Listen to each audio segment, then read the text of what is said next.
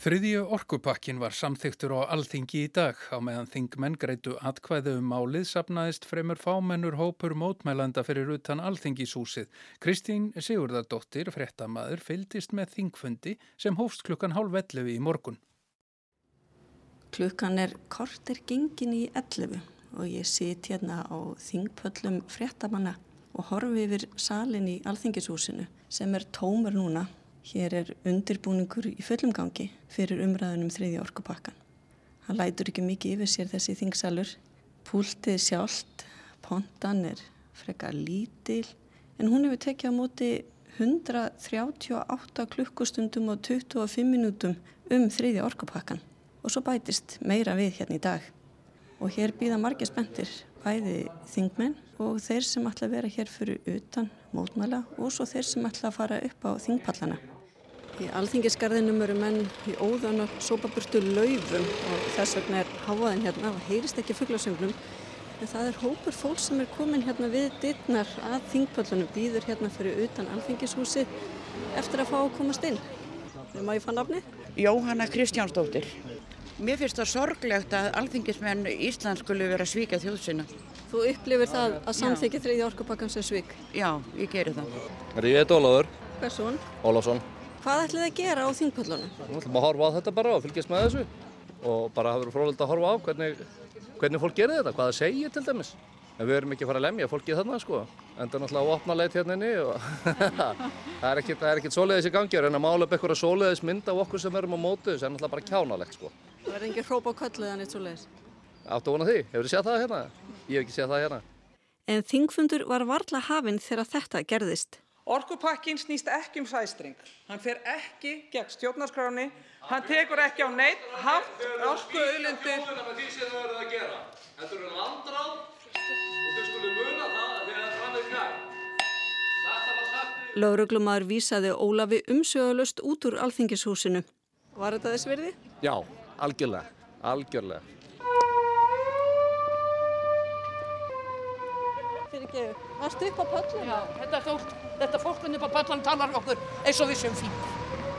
Og var, kom lauruglun að vísa þér út? Já, Já. af því að ég má ekki gera læk. Þeir líti á það þingmenn sem fokkjum. Má ég fá nafnið? Nei.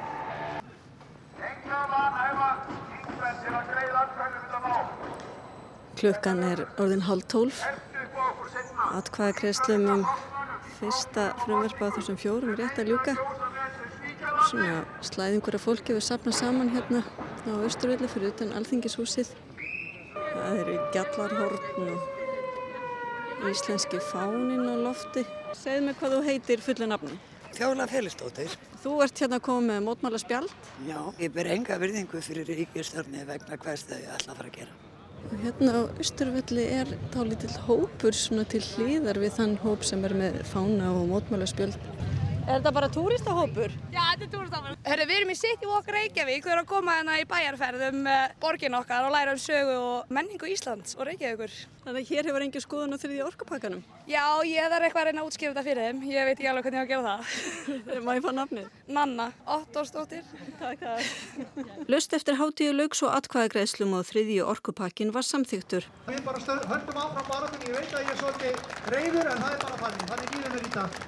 Gjör svo vel líka.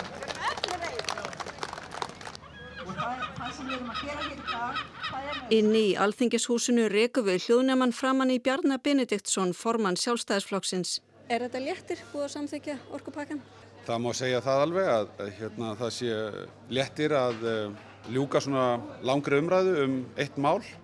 Já, þessu máli er að minnst okkur til lokið og það hefur tekið sinn tíma svo sannanlega hér í þingsal og raunar hefur verið að verið til umfjöllunar hér á vettvangi þingsins í heil nýju ár. Þannig að það er auðvitað gott að þessu máli er lokið og ég held að þessi umræða núna þessu undanfættin daga hafi sínt að máli var mjög vel undirbúið af halvu stjórnvalda.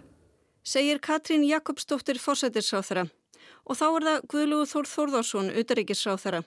Það sem stendur uppur hjá mér að Það er ímislegt sem hefur komið fram í umræðinni, að vísu tengist nú minnst og kannski ekki neitt orkupakkan sem er mikilvægt að ræða og ég vona að þetta verði upp að það var slíkur umræðu og þá er ég sérstaklega að draga fram annars verður orkumálun sem mjög mikilvægt að við förum yfir. Við höfum stjórn, alla fulla stjórn á þeim málum. Síðan er hitt sem er hagsmunageslan gagvart ES. Á göngunum mætu við Rognu Árnadóttur skrifstofustjóra og það er tilvalið að fá sér ferskt loft. Ég er komin hérna út í Alþingisgarðin með nýjum skrifstofustjóra Alþingis. Þú varst að ljúka hvað fyrsta vinnudegi? Já, hann er allavega vel hálnaður. Var að fá okkur sæta á þessum bekk hérna. Hvernig gegnum dagurinn fyrir sig? Já, ég held að þetta hafi gengið bara mjög vel fyrir sig. Það er að segja að þetta var hérna, ágreysla þingmálna gegn snurðulegst fyrir sig og, og, og svona stafsfólk alþingis síndi þarna fumlös vinnubröð. Nú færist aldrei rói yfir, þingur er ekki sett alveg strax eða hvað? Það er 10. september, það er næstu viku, þannig að, að nú gefst nokkar dagar áðrum, allavega fyrir mig að kynna mér ímislegt. Mm -hmm. Þorgerður Katrín Gunnarsdóttir formaði viðreistnar er næst til viðtals. Hvernig var nú svona andrumslofti í þingsalunum í dag? Áhugavert, ég var ekki að segja það. Þegar þú varst þarna í ræðustól þá komu rópa köll þarna af áhrandapöllunum. Bráðir?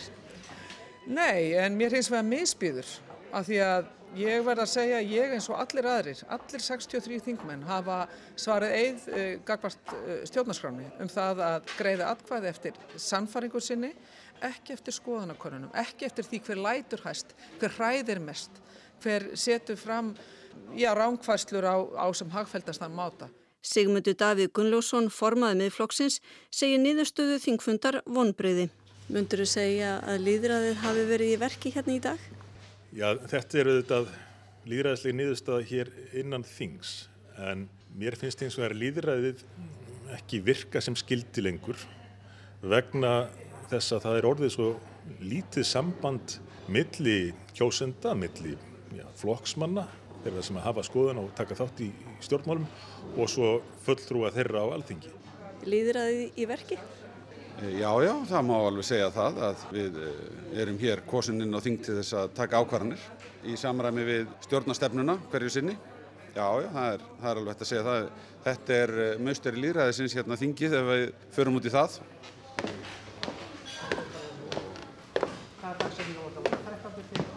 Þar með er þingfundi lokið þriðja orkupakkin samþyktur, fáanir þingmenn í kaffeteríunni og orðið heldur fáment á Östurvelli.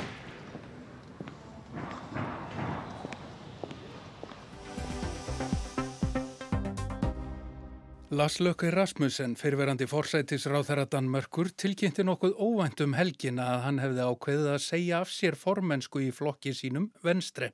Varaformaðurinn Kristján Jensen tilkynnti í kjölfarið afsögn.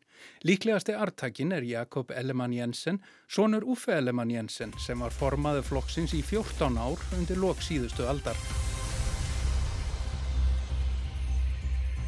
Det har været nogle historiske dage i dansk politik. Venstre har været i krise de sidste mange uger.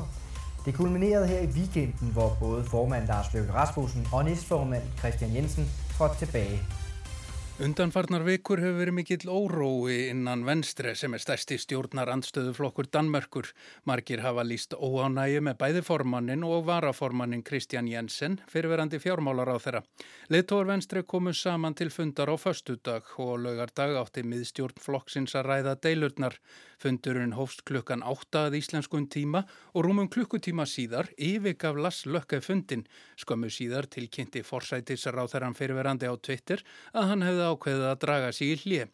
Stuttu síðar kom varaformaðurinn Kristján Jensen og tilkynnti einnig afsökn sína. Jeg har i nu 30 år været aktiv på Venstre, og jeg ønsker ikke, at min person skal stå i vejen for Venstres fremgang, og derfor har meddelt hovedbestyrelsen, at jeg selvfølgelig også på et ekstraordinært landsmøde trækker mig som næstformand. Lars Lökke Rasmussen og Kristján Jensen hafa verið formaður og varaformaður flokksins í áratug eða allt frá því að Annes Fó Rasmussen, formaður flokksins og forsætisráþara landsins hætti í stjórnmálum til að verða framkvæmdastjóri Atlasafsbandalagsins. Hann eftirlétt völdin í hendur Lars Lökke Rasmussen. Derfor er det en stor glæde for mig, Lars, at jeg i dag kan overdrage dig ledelsen af landet. Það verður alla tíð verið grund á því góða milli formannsins og varaformannsins og reglulega soðið upp úr.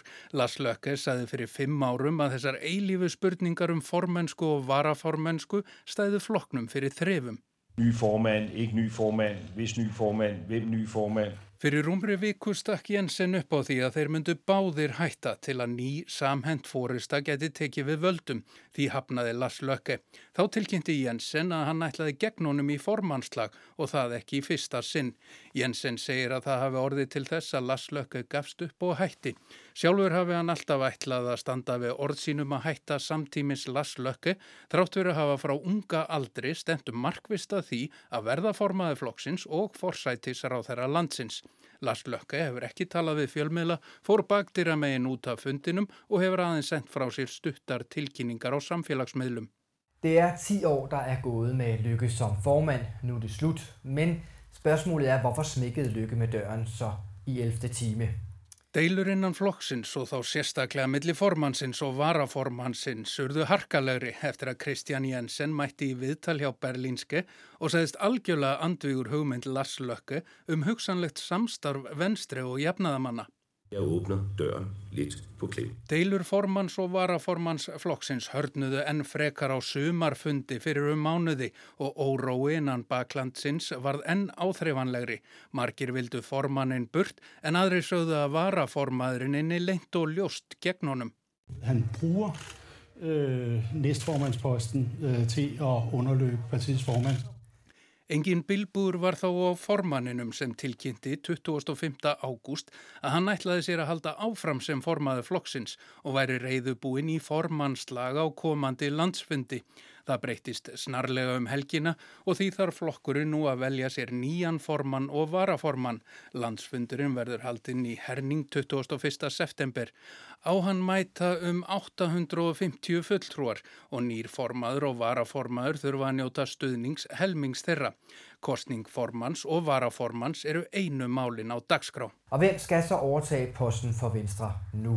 Mange de mener, der kommer en Ellemann igen, nemlig Jakob Ellemann. Margir eru nefndi til sögunar sem næsti formaður flokksins. Eitt nafn er þó oftar nefnt en önnur og það er nafn Jakobs Ellemann Jensen. Hann er pólitískur talsmaður flokksins sem stundum hefur verið líkt við stöðu þingflokks formans. Jakob er sonur Uffe Ellemann Jensen sem var formaður venstri í 14 árundi lok síðustu aldar. Annes Fó Rasmussen tók við á honum og síðan Lars Lökke. Þeir gætu því orðið einu formenn venstri á milli formannstíðar þeirra Ellemann Jensen feðga. Klaus Jort Fredriksen, Sofie Löði og Bertel Horter eru meðal þungavikta fólks í flokknum sem hefur líst yfir stuðningi við Jakob og þegar hafa 15 af 43 þingmannum flokksins gert það einnig. Jakob hefur verið varkári yfirlýsingum og hefur ekki formlega líst yfir frambóði. Hann segir að nú þurfi flokksmenn að hugsa sinn gang. Det er noget, som, som er svært for os. Jeg synes, det er, er to mennesker, som, som har gjort det fantastisk. Jeg har altid bakket op om, om Lars. Jeg har øh, set op til Lars. Jeg synes, han har været en fantastisk formand for vores parti. Lars Løkke Rasmussen hefur ekki mætt í viðtölum atbyrði helgarinnar og líklegasti artakin Jakob Ellemann Jensen hefur talað í VF-rétta stíl. Það var því varaformaðurinn Kristján Jensen sem stál senunni um helgina. Hann tilkynnti tárvotur um afsögn sína og brotnaði saman undir lok viðtals við fréttamenn. Hvad er det for nogle tanker, Altså, øh, det ville være mærkeligt ikke at være prøvet. Og de tanker, dem tror jeg bare, jeg holder hen i hovedet. Kan I have det godt? Kosið verður til sveitastjórna í Nóri í 9. september. Kostningabaráttan hefur einkennst af meiri sundrungu í flokkakerfinu en áður hefur verið. Nýjir flokkar ná fylgi út á deilur um umhverfismál og gjáir að myndast millir landsbyggðar og þéttbílis. Gísli Kristjánsson. Það er vika í kostningar og skoðanakannanir benda til meiri klopnings og sundurlindis í norskum stjórnmálum en nokkru sinni áður. Nýjir flokkar ná fótföstu og gamleir flokkar ímist tapa miklu eða sjá fram á óvænta sigra. Kjósendur eru á flakki á milli sjónarmiða og einstök málefni ráða nú meiru en fylgispekt við stjórnmálaflokkana. Þetta eru kostningar til sveitastjórna og þá er ekki óvenjulegt að staðbundin baráttumál og vinsælir frambjóðundur ráði niðurstöðunni. En nú verðið sem landsmálinn fái mesta aðtegli og það er meira ósætt um stefnuna með landsmanna en áður. Í fyrsta lægi hafa deilur um vegatotla skikt á önnur mál. Álögur og ferðir engabíla hafa lengi verið hærri í Noregi en í öðrum löndum. Ökumadur leið frá Óslo til Björgvinjar, það er um það byrja jafnlöng leið og frá Reykjavík, Östur og Hornafjörð, þar var borgað um 10.000 íslenskar krónur í totla á leiðinni. Vegatollar eru öllum leiðum inn í stærstu bæi og stundum þarf við gegn tvö tollið til að komast úr útkverfi inn í miðborg. Í höfustannum Ósló er algengt að borga jafnfrið 3-400 íslenskra króna við hverja tollstöð. Tollfjöð er bæði nota til vegabóta og til að auka við almenningssamgöngur. Missætti kjósenda snýst um hver háir þessi tollar eigi að vera, hvort og hvernig eigi að skipta fjennu á milli bílvega og almenningssamgangna og hvort ekki eigi að kosta allar þessar framkvæmdur af skattfjö rétt eins og erum marga aðra þjónustu til dæmis í heilbriðis og skólamálum. Deilanum vegatollana kostaði ríkistjórn Ernu Solberg næri lífið í sumar og niðurstaðan varð að draga lítilega úr tollemtunni og nötta meira af skattfér til framkvæmda. Ósættu um álögur og umferð hefur lett til þess að nýr einsmálsflokkur, nei við meiri vegatollum, hefur náð verulegum vinsældum í stærstu bæjum og tekur engum fylgi frá framfarafloknum sem fer með fjármálaráðunetið og hefur fallist á nýja tolla. Þó hefur anstaðan við vegatotla alltaf verið helsta baráttumál flokksins. Fyrir vikið er helmingur fylgi flokksins á bak og burt og mælist nú aðeins 6-7%. Á hinbógin vex fylgi græningja jaft og þétt. Baráttumál þeirra er að takmarka bíla umferð eins og kostur er og að nota vegatotla til að fjármagna almenningssamgöngur. Græningjar lofa hærri vegatollum. Fylgi græningjar enda komið upp í 15% í Óslo hefur vaksið mikið eftir þeir komin í borgarstjórn fyrir fjórum árum og tóku að sér að stýra samgöngumálunum. Þarna myndast gjá á milli ungs bílaus fólks í miðborg og enga bíla vina í útkverfunum. Græningar taka fylgi frá fjálslundafloknum sem er í ríkistjórn og einni fór verkamannafloknum. Gömlu flokkarnir reyna að skarta einhverjum umhverjusmálum til að spórna við sókn græningja. Önnur gjá á milli hópa kjósenda er einni orðin áberandi. Það er gjáin milli landsbyggðar og borga. Í ára tugi var það helsta markmið verkamannaflokksins, sem stýrði Nóri í 80 ár, að brúa þetta bíl. Að komi í veg fyrir tókstreitu milli borgarbarna og sveitafólks. Klopningur núna er rækin til stöðugt vaksandi kröfu um að hagræða í ofinbjörn rekstri, fækka stopnunum og loka þeim minnstum. Þetta bytnar á þjónust á landsbygðinni, skólum, lauruglustöðum, sjúgráðsum og elli heimilum er lokað, sveitarfjölug saminuð með valdi og þjónustan flutt til stæstu bæja. Gömluflokkarnir bæði í ríkistjórnu utan hafa fyllt þessari stefnu alla þessu öld, að miðflokknum undanskildum. Það er hinn gamli flokkur bænda sem nú stefnir í að tvöfalda fylgi sitt og verða ráðandi flokkur í dreifbíli. Fylgi upp á 16% er áður óþægt í söguflokksins ef frá er talin baráttan gegn aðilda Evrópusambandin á liðinu öld. Flokkurinn geti fengið fleiri hrefsnemdar oddvita eftir kostningar en okkur annar flokkur en þá bara við um hinnar dreifuðu byggðir.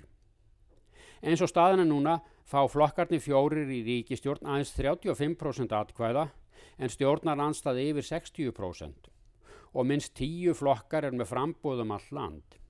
Stæstu flokkarnir mig að takka fyrir að ná 20% fylgi. Þetta er meiri sundrung en áður hefur sérst í norskum stjórnmálum. Verðið sæl.